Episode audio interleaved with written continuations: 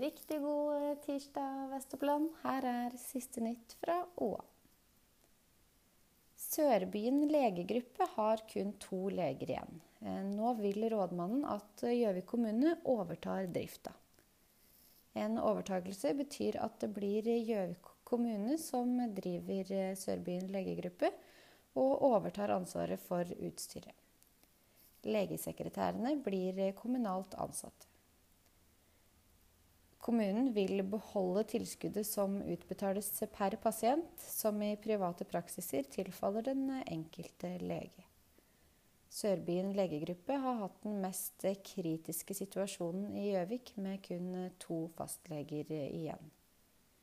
Rådmannen erkjenner at en løsning som eh, skisseres kan virke urettferdig, men eh, opplever at alvoret i situasjonen gjør at fastlegekrisen må løses skritt for skritt. Anne Hagenborg fra Oddnes er glad i unger. Nå som hun også har fått barnebarn, tar hun opp kampen om ordførervervet i Søndre Land. Barnebarna er de eneste som kan vekke meg klokka fem om morgenen og gjøre meg blid. Det sier hun.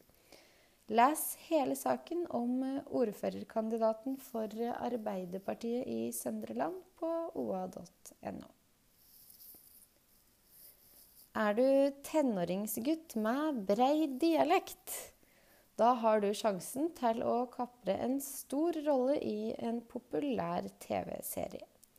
Byrået Sara Casting er nemlig på utkikk etter en gutt mellom 17 og 19 år til en rolle i TV-serien Helt perfekt.